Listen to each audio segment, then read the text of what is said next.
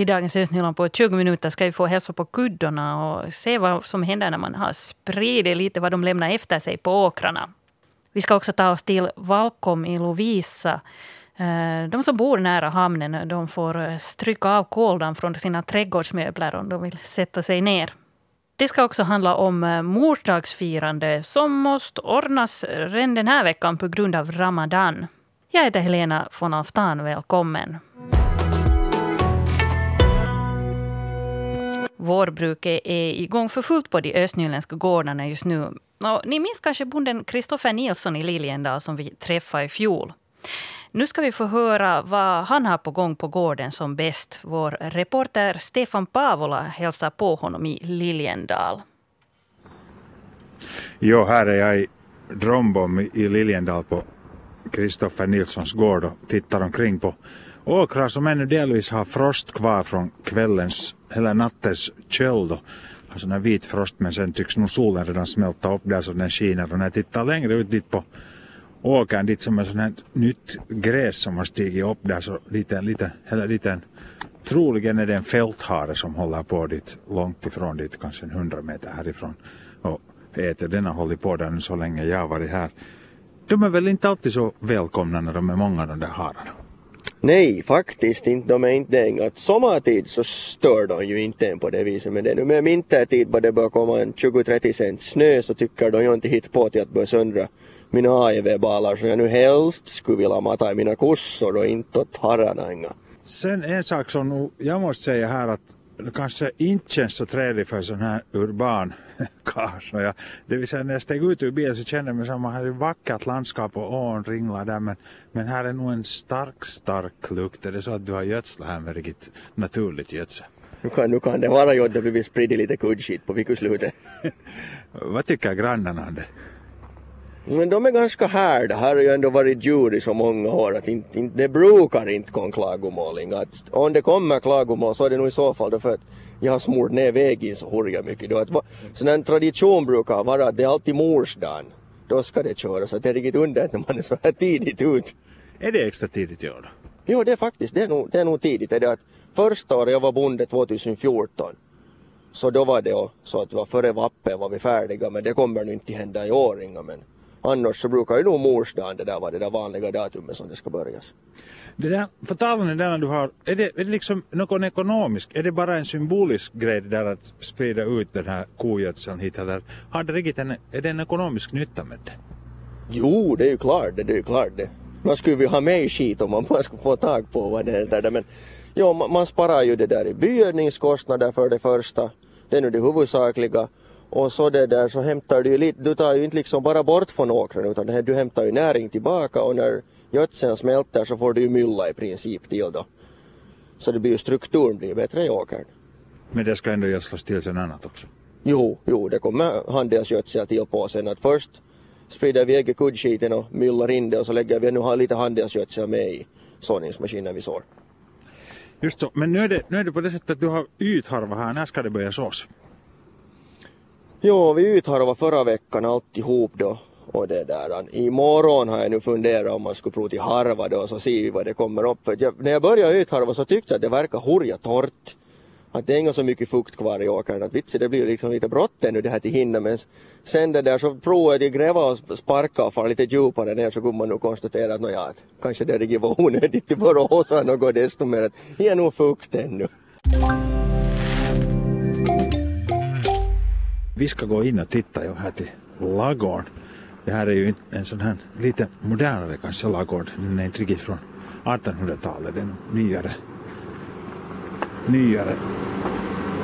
Här är maskinerna går för fullt. När jag kom in hit så hade de just mjölkat för de hämtade bort de här mjölkningsslangarna hitifrån som går på sådana här skenar. Nu kommer vi in till kossorna. Det är här som det kommer både härifrån kommer det både gödsel och, och det där mjölk. Jo, det är mångsidigt. Det där, du sa till mig just att, att, att jag får nog komma in hit med mina skor men du blir alltid lite rädd om det kommer sådana som kör från gård till gård när de kommer in med sina skor. Jo, det har varit hurja mycket sjukdomar i svang i vintras. Eller liksom just sådant, hur ska vi säga, diarréer och vad det har liksom både åt äldre djur och för kalvar som det cirkulerar kring. Så man har nog varit lite suttit på nålar och väntat när ska man själv få det ihop med sig. Men man har nu klarat sig här till sen nu. Och här sidan så vet oj vad den är nyfiken. Hej hör du, har du något att säga? Då? Ska du prata? Mu. Nej, säger den någonting. Den bara tittar på min lurviga mikrofon. Man ska akta att den inte äter upp den. Hör du, du har många kossor här. Finns här många kalvar? Oj, vitsi vad bra fråga hörde du. Jag vet, jag har inte räknat faktiskt. Jag, jag kalvar ganska många nu så här bör nog vara nästan alla boxar fyllda nu. Jag har faktiskt många tycker de är, de är nog söta. Blir du fäst vid de här kossorna? Nu det är ju klart det. Det blir man det är ju inte fråga om heller. De har, de har ju namn och allt dessutom sen och så när du nu pajar och pratar med dem morgon och afton mitt på dagen när till på köpet så nu, nu blir man blir nog. Men det här är ju inte liksom, nu ska vi säga en stor mjölkgård det här. Den, den, den, den är väl lite mindre men du klarar, får igenom det ändå ekonomiskt. Jo, den är, den är liksom, jag skulle säga att den är nätt och jämnt i medelmåttliga för tillfället. Men det stiger ju hela tiden. Men jo, ekonomiskt, det funkar. Hur, må- hur många djur är här allt som allt?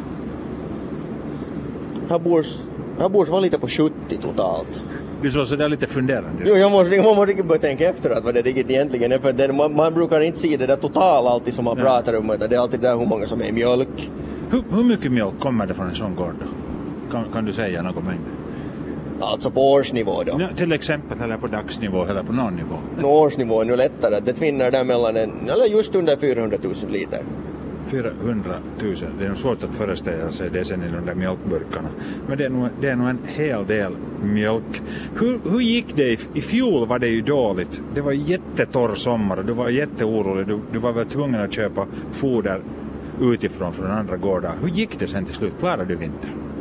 Jo, vin, vintern, ja avklarad men jag köpte nog. Det blev nog måste på sen. För att, och så var det det där och när man fick tag på foder så började man ju fundera då att hur blir det här året? Att hur tid, vad heter det, det minimala vågar man släppa alla foderförråd och lager. Sen att man skulle lite vilja ha buffert för det här sommaren. Nu blir det igen dåligt. Så nu blir ju först det fodret dyrt att köpa. I höst sen åter. Ja, just det ja. Men det där, hur, om vi tar tillbaka där nu till ut till dina odlingar, foderodlingar och sen övrig odling så hur ser det ut för tillfället? Skulle det vara bra med lite regn så småningom?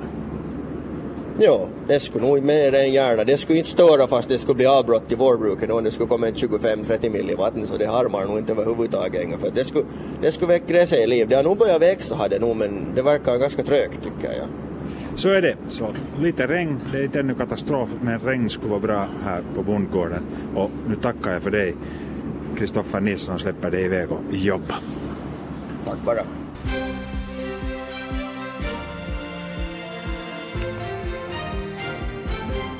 Klockan är halv nio nu, de östnyländska nyheterna. Jag heter Stefan Härus. God morgon. Reformen av social och hälsovårdstjänsterna bör fortsätta på kommunbasis och bygga på frivillighet. Det är de nyländska stads och kommundirektörerna ense om. Kommunernas ledning har efter förhandlingar kommit fram till en modell enligt vilken Nyland föreslås bli indelat i fem social och hälsovårdsreformområden. Ett av de områdena skulle bestå av sju östnyländska kommuner med totalt cirka 100 000 invånare. Att sammanföra ansvaret i kommunerna gör det möjligt att nå de riksomfattande målen för social och hälsovårdsreformen, anser kommunernas ledning. Koldam och oljud irriterar de som bor granne med Lovisa hamn i Valkom. En grupp Valkombor har därför ansökt om en ändring av hamnens miljölov. Några grannar väckte redan för två år sedan åtal men domen blev då friande. Representanter för staden och Lovisa hamn säger att man vill hitta lösningar som passar både hamnen och invånarna. Man har bland annat byggt en bullervall och kommer också att plantera träd mellan husen och hamnen. Harjurinten koulu i Lovisa ska få ett nytt matsalsgolv. Golvet ska närmast förnyas som en säkerhetsåtgärd eftersom det förekommit att en del fått symptom som påverkat hälsan. Också golven i omklädnings och duschrummen ska få nya golv. Duscharna måste ha plastmatta eftersom man inte kan kakla ett utrymme som används som befolkningsskydd. Så några sportresultat. PSS herrar, fotboll och tredje divisionen spelade en oavgjord första match mot Valti från Helsingfors på fredag. Matchen slutade 0-0. Sin nästa match spelar Futura på fredag mot Hertoniemen Toive från Helsingfors. Futura juniorernas damlag eh, firar sin premiärmatch i division 2 med en målrik seger igår. På bollplanen i Borgå satte hemmalaget in fyra mål under den första halvleken och vann med 4-2 över vandalaget VJS. Och PSS innebandydamer förlorade också den tredje finalmatchen mot Nurmijärvi-laget SB Pro. Matchen på bortaplan slutade 6-3 till värdarna. Det här betyder att SB Pro kan koras finska mästare imorgon i Borgo om de vinner också den fjärde finalmatchen. Grannarna till Lovisa hamn i Valkom har det inte lätt precis. Deras husdjur, bilar och trädgårdsmöbler är ofta täckta av ett lager stenkolsdamm som har blåst dit från hamnen. Och de störs av oljudet från maskinerna som behandlar kolet. Vår reporter Mira Bäck åkte till Lovisa för att träffa en av hamnens grannar. Jag är här i, i Valkom i Lovisa hemma hos Sari Vainio. Vi står här i, i Saris trädgård och det skulle vara kiva att sitta ner och, och lyssna på när småfåglarna sjunger här under äppelträdet. Men det är lite svårt för den här eh, vita trädgårdsmöbeln som finns här, den är inte riktigt så vit mer, den är alldeles grå täckt av sånt här smått, smått koldamm som kommer från hamnen här bredvid. Berätta lite Sari Vainio, hur märker du av det här koldammet här annars än här på bänken? No, eftersom jag har en katt och hon tycker om att vara ute så när hon kommer inne och lägger sig i soffan eller sängen så har jag mer eller mindre gråa lakan och filtar och så hamnar jag ju att tvätta oftare än normalt. Det är en grej och det, det andra är ju att du kan inte ha kläder ut och torka, inte, inte kan du hämta någonting och vädra så bilen är, är svart och det, det är överallt. Du sa att du har just tvättat bilen så den ser inte så, så smutsig ut just nu men hur ofta måste du tvätta den för att den ska hållas så där ren? No, en gång i veckan skulle man egentligen måste, måste tvätta den nog, och om inte oftare. Att det beror helt på hur, hur mycket de jobbar här i hamnen med den där kolen. Mm. Så det är inte så här illa jämt, går det liksom i, i perioder? Det går lite i perioder, ja. Det beror på hur mycket, hur mycket kol det kommer till hamnen. Och sen beror det helt på hur det blåser. Nå, hur länge har det här problemet fortgått? Det är väl inte riktigt nytt det här inte?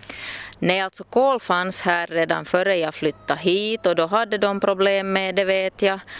Sen, sen togs det bort och, och jag flyttade hit då januari 2016 och efter det någon gång, jag kommer inte ihåg exakt när det var, så kom hit igen kol och efter det har vi haft problem med det. Har du och de andra grannarna har ni försökt göra någonting åt det?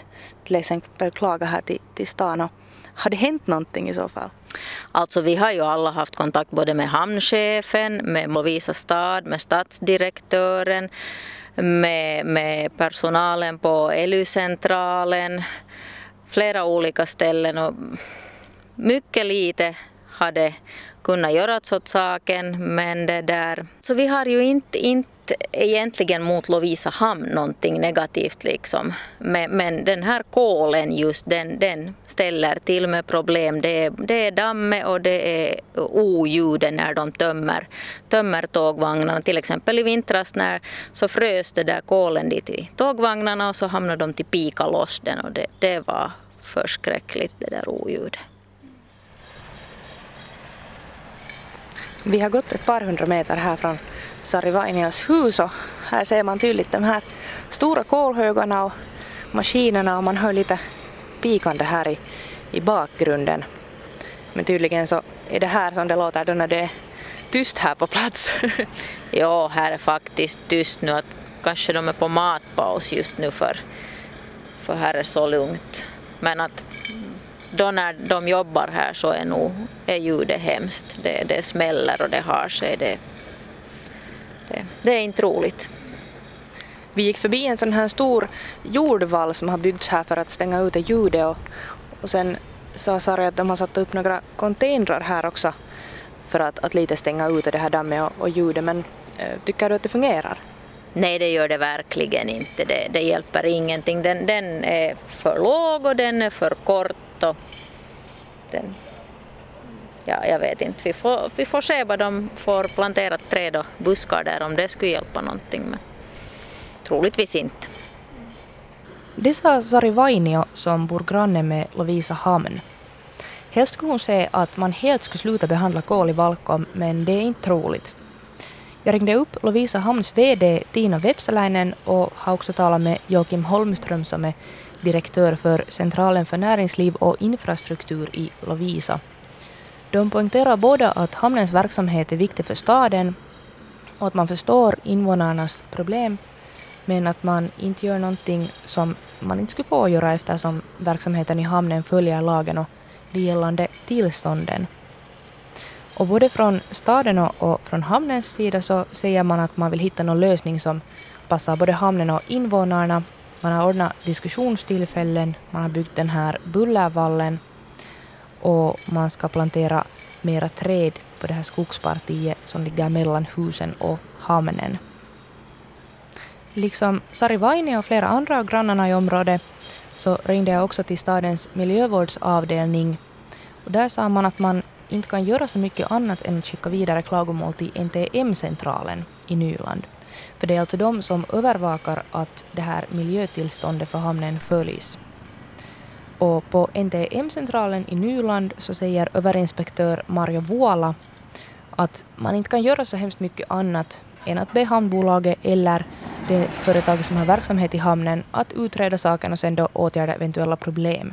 Vuola berättar att miljölovet som gäller just nu inte innehåller så hemskt konkreta bestämmelser, till exempel om hur mycket koldamm det får finnas i luften. Och då är det förstås svårt att övervaka.